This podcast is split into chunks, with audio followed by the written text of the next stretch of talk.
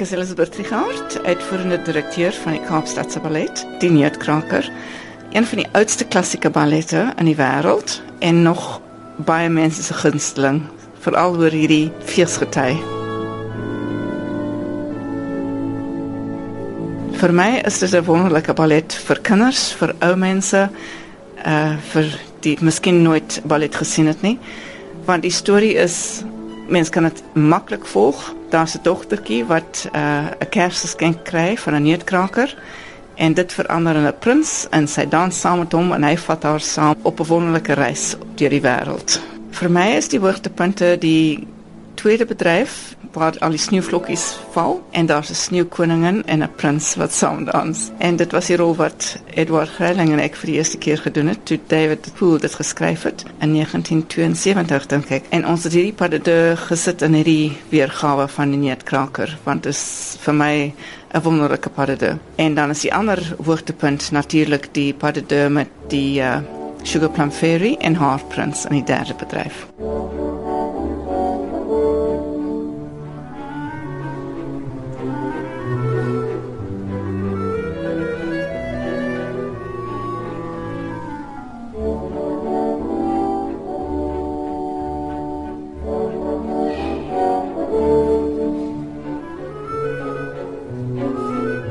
Wie gaan ons almal sien dans in hierdie spesifieke weergawe van die Neetkraker? Ons gaskunstenares, dis Kirstel Jensen, sy was by die geselskap. Sy het uh, verhuis Johannesburg toe en sy is op die oomblik saam met Joburg Ballet, maar sy het teruggekom vir hierdie seisoen en sy dans saam met Thomas Thorne want sy gewone dansmaat Laura Bosenberg sê dans nie op die oomblik nie. Kirstel staan dus in vir haar vir haar En die tweede rolverdeling is Rosamund Ford saam met Daniel Tsofkowski. Dan het ons twee nuwe paartjies, Megan Hennigan dan saam met Revelion en Cleo Ames is met Conrad Nisse. Vertel 'n bietjie vir ons van die kostuums en die stel. Wel, die oorspronklike stel was die van Peter Casley natuurlik en die kostuums ook, maar die soorte jare het ons 'n bietjie verander hier en daar en sommige van die kostuums is natuurlik te oud, dan maak ons nuus en dis regtig 'n 'n mengelmoes miskien van kostuums en stelle want as ons van die opera huis na die teater skuif, dan moet ons van die stel agterlos en andersom. So uh, mens kan nooit sê dis iemand se stel nie. En die musiekbegeleiding hierdie keer? Ongelukkig is dit uh musiekopnames dis glad nie uh, met die orkes nie want die um, die orkester pit is dis te klein vir die orkes wat ons nodig het om Tchaikovsky te speel.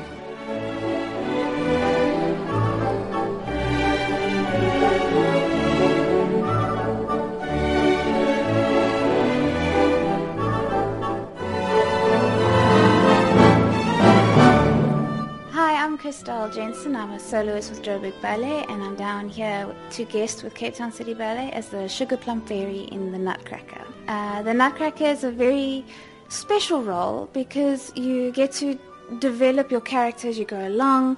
You start as innocent young girl who, you know, is in awe of everything, and then all of a sudden in Act Three you become this graceful, elegant princess. You know, who's just everyone's looking at her, and she's the one. It's nice to have the the change in character throughout the ballet, and yeah, it's it's a very very nice role to do. Well, for me, I've only ever done Cape Town City Ballet's version of the Sugar Plum, but I've seen other versions, and the other versions are beautiful, very clean, very simple.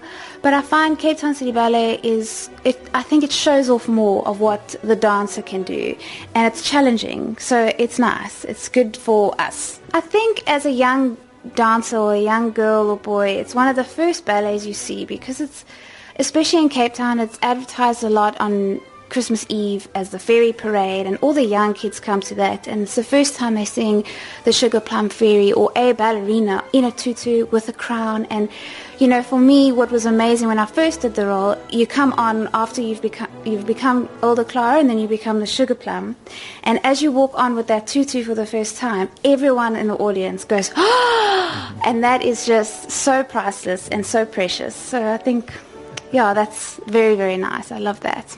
The music just takes me back to when I was little.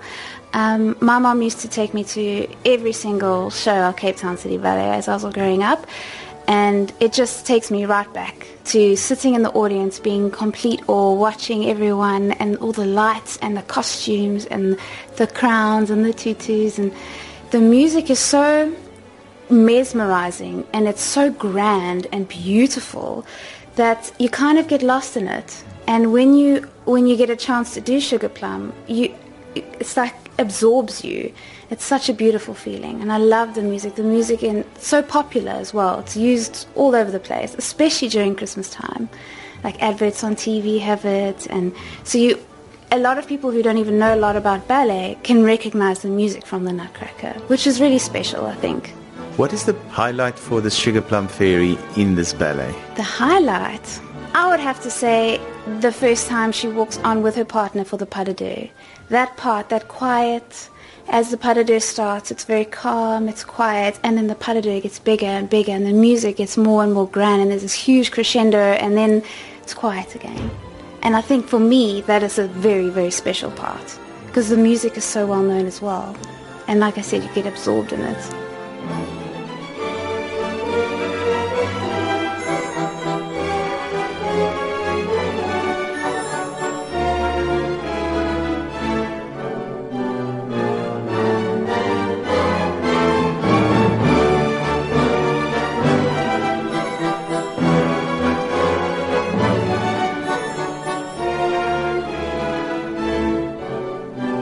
My naam is Ivan Bonza.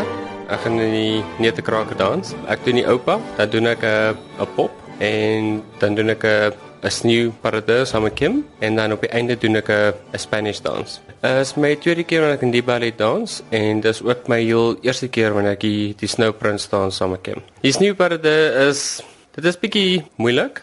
Baie stamme dan nodig hê want dit is net druk druk druk. Dis maar net 'n gewone parade en dan gaan ons direk in die koure aan.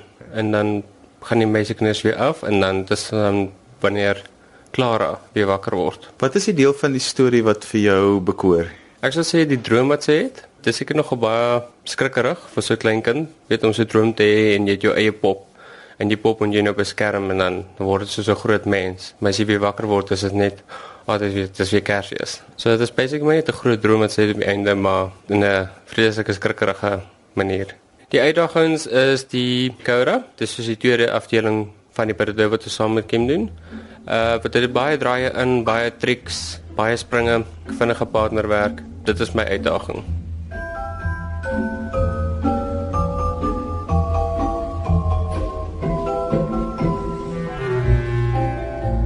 Naam is Mervyn Williams en ek is 'n uh, danser by die Kaapstadse Ballet Geselskap.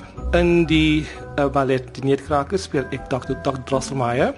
Hy is die tovenaar, hy is 'n uh, speelgoedmaker en hy is die oom um, van die leading characters. Dit is eintlik 'n lekker rol om te speel. In eers bedryf maak Dr. Drosselmeier magic. Hy hy bring 'n speelgoed to life. Die poppe wat hy gemaak het vir die uh, kinders, uh, hulle dans en hy betower hulle daarmee en ook eventually neem hy hulle na Vierkieland in die tweede en derde bedryf. Tel 'n bietjie vir ons van die kostuums van die ballet. The ballet takes place in the 1800s, so the costumes are very period. It's beautiful costumes. They they're made by Peter Kaz, Peter Casley. Um, act three is when they go into the into the the land of the sweets, and those costumes are all glitzy, glamour, and each costume you can see portray the the various cities, like coffee for the Arabian, the Chinese for their tea, the Militons, um, beautiful tutus that the girls wear, and um, yeah, and the ballet is just magical in itself. Dis nie die eerste keer dat jy in die ballet dans nie. Vertel 'n bietjie vir ons van die ervarings wat jy al gehad het tot nou toe. Ek dans hierdie rol vanaf 2006. One just grows with the with the role, and every time you do it, you interpret it differently, which is, um, I suppose, to keep it fresh and to give the audience what they come to the watch the ballets for, the magic thereof. And yes, I love the role. Wat is vir jou die hoogtepunt van hierdie ballet? Um, die hoogtepunt vir hierdie ballet is om die magic te maak. Die kinders hou daarvan, hulle they love for it. You can feel it from the audience and that is what what yeah, what I feel when I'm on stage performing it for them. And that to me is the highlight of this particular ballet. You can just take the kids to wherever they want to be.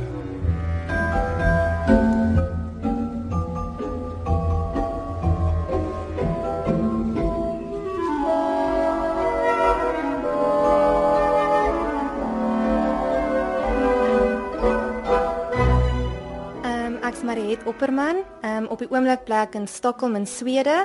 Ek's nou terug vir Desember om in die Netekraker te dans en spaar lekker om terug te wees in sonnige Suid-Afrika. En ja, ek sien baie uit om deel te wees van Cape Town City Ballet. Um ek is 'n diver in die derde act en ek uh, doen Spanish, leading snowflake en 'n leading flower. Omdat ek dit al klaar gedoen het, voel dit vir my hierdie keer is dit bietjie makliker om terug te kom na hierdie rolle toe.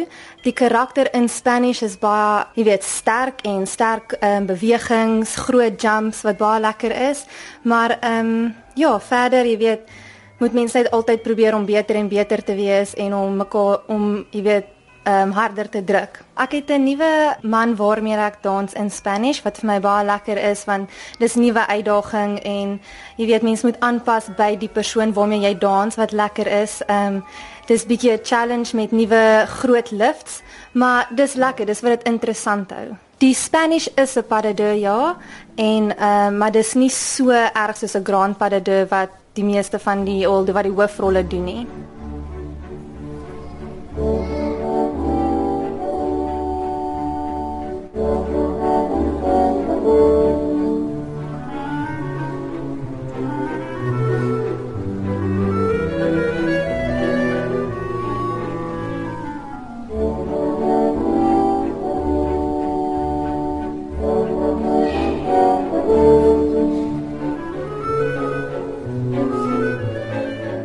Tchaikovsky se musiek vir hierdie spesifieke ballet, wat bekoor jou so daaraan? Dit is so wel bekend, maar vir my is dit weer die musiek vir die pas de deux van die Sneeuwprins ses en en Sneeuwprins. Dis wonderlike musiek en dit is gemaak vir dans. Maar dan in die derde bedryf ook, daar's die Chinese dans, die Russiese dans, eh uh, die Arabiese dans en die musiek is so geskik vir die dans in daai besondere instansies. 'n mens sit maar net terug en luister as jy nie die dans wil kyk nie.